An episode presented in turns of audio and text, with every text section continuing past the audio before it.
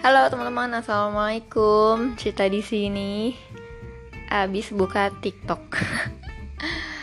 Aduh, sebenarnya aku udah kebayang banget sih dunia per TikTokan itu sekeras itu ya, seperti Jakarta keras. Makanya kenapa aku dari dulu maju mundur buat aktif di TikTok. Karena ya itu ya, aku merasa hidup aku aja sudah um, menggunakan banyak energi gitu ya. Apalagi pernah ada momen yang aduh ini udah drama banget gitu. Terus kalau misalnya aku mulai TikTok terus mulai diserang sana sini aku kuat nggak ya? Kayak gitu. Makanya ya akhir-akhir ini baru deh ya udah gue coba aktifin lagi deh TikToknya gitu. Gitu sih. Nah Singkat cerita adalah satu video TikTok aku yang FYP. Gila akhirnya ya. Satu apa? First time masuk FYP-nya orang-orang gitu. Wah gila sih. Udah mana ngepas lagi kontennya yang itu ya kan, yang cukup sensitif. Jadi komen-komennya juga ya begitu ya. Tapi untungnya aku nggak kaget-kaget banget gitu. Karena kan sebelumnya aku sudah mengalami fase uh, di komen ini itu, dihujat ini itu, dikatain apalah segala macem gitu. Jadi sekarang ya untungnya udah kaget-kaget banget. Dan setelah aku uh, terjun ke dunia media sosial selama bertahun-tahun ini, sampai saat ini juga masih gitu ya akhirnya aku menyadari suatu hal bahwa dunia media sosial itu sebenarnya cukup menyeramkan, cukup menegangkan, cukup menyenangkan juga, dan cukup tricky gitu. Jadi sebenarnya lebih enak sih. Nggak begitu aktif di uh, media sosial gitu kan. Tapi balik lagi kita nggak bisa kalau nggak beradaptasi dengan lingkungan dan keadaan. Bener gak sih? Jadi di satu sisi sosmed nih uh, ya itu tadi ya keras gitu tapi di zaman sekarang kalau kita nggak main sosmed kita akan ketinggalan dan kita jadi nggak punya wawasan seperti orang-orang gitu. Akhirnya kita jadi terbelakang. Kudet lah bahasanya. Gitu.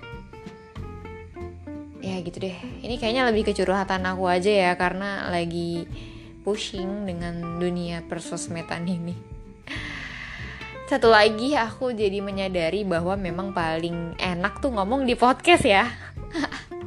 Karena satu arah. Jadi orang-orang nggak bisa komen orang-orang nggak bisa nge-replay orang-orang nggak bisa uh, ngejudge ini itu gitu.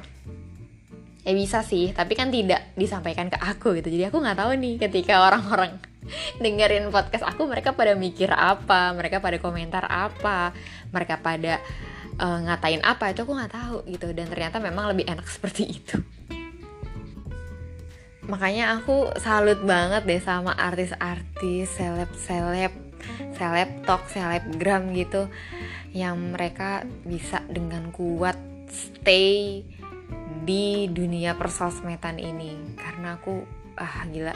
Aku udah kebayang banget sih mereka di wah dihujani komen-komen yang negatif tuh pasti udah sering banget. Udah banyak banget. Aku juga kebayang tuh mereka pasti dari fase yang kesel banget pengen marah banget bahkan pernah mungkin nangis banget sampai di fase yang santuy aja lah gitu. Sampai di fase yang ketika baca ya udah gitu. Wah gila sih.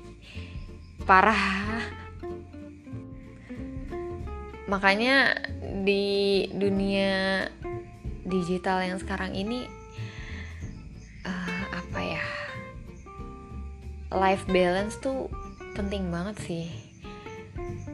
Kita harus gini kita dituntut oleh keadaan untuk bisa me apa ya bahasanya untuk bisa memposisikan diri dengan benar dan dengan cepat. Contoh misalnya kita lagi santai-santai nih habis nongkrong nih sama teman-teman ya udah kita bisa all out gitu kan. Kita bisa ya udah ngobrolin apa aja bebas gitu. Kita nggak perlu takut teman kita komentar apa kita nggak perlu takut nanti teman kita ngecap gimana. Karena kan teman deket jadi udah saling kenal udah saling mengerti gitu. Tapi ketika pulang pasti main handphone kan pasti buka sosmed kan. Nah di momen itu kita harus sadar betul kita lagi main sosmed kita harus bisa mengkotak-kotakan yang mana yang harus dipikirin yang mana yang enggak yang mana yang harus uh, apa ya yang mana yang harus dimasukin ke hati yang mana yang enggak gitu. Dan itu kan waktunya cepet banget. Nangkep gak sih?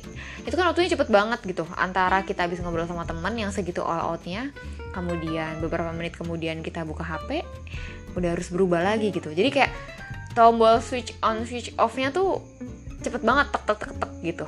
Nah menurut aku itu yang paling menantang di dunia digital ini. Makanya harus yang tadi aku bilang harus seimbang gitu. Jadi harus kenal juga sama diri sendiri. Harus tahu kadar uh, titik stresnya tuh ada di mana. Dan itu nggak mudah kan? Iya nggak sih? Aku aja sampai sekarang juga masih belajar untuk itu gitu ini ngomongnya jadi ke mana-mana ya, nanti aku bingung nih ngasih judulnya apa. Kalau dibandingkan dulu ketika belum ada sosmed, itu zaman kapan ya? Zaman aku SD ya berarti ya. Karena sosmed pertama yang aku punya itu Friendster, itu zaman aku SMP kelas 1 tahun 2009. Nah, sebelumnya itu kan gak ada sosmed ya. Tapi aku masih SD sayangnya. Jadi aku nggak merasakan masa-masa remaja tanpa sosmed gitu. Jadi ini aku mau ngasih perbandingan juga bingung gimana ya. Tapi ya udahlah ya.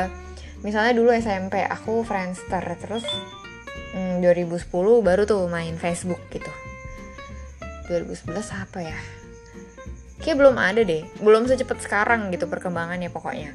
Dan saat itu juga belum apa belum umum tuh yang soal hujat menghujat gitu kan. Belum umum soal fake account gitu. Wah dulu masih real account semua deh. Dan masih uh, sangat beretika gitu ya.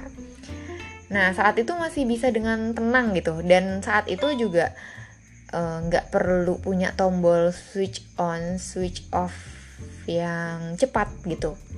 Karena ya di real life dan di sosmed sama aja gitu kan jadi nggak begitu capek batin lah ya bahasa gampangnya.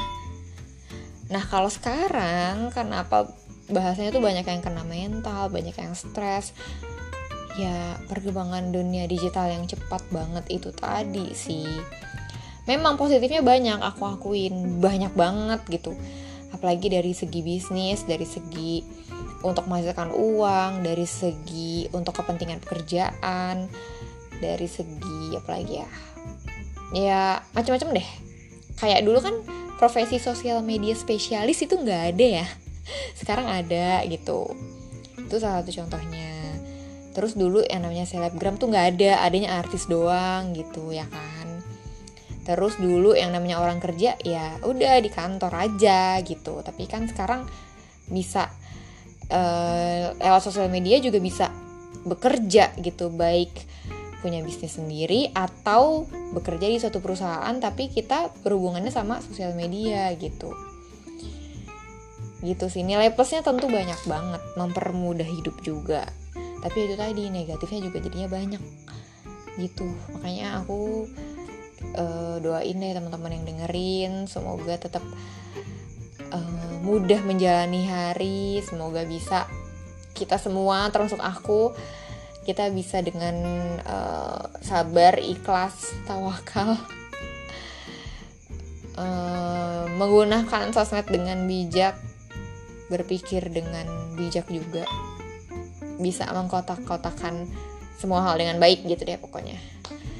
dah gitu ya dari aku curhatan soal sosmed kali ini. Terima kasih sudah mendengarkan. Wassalamualaikum. Dadah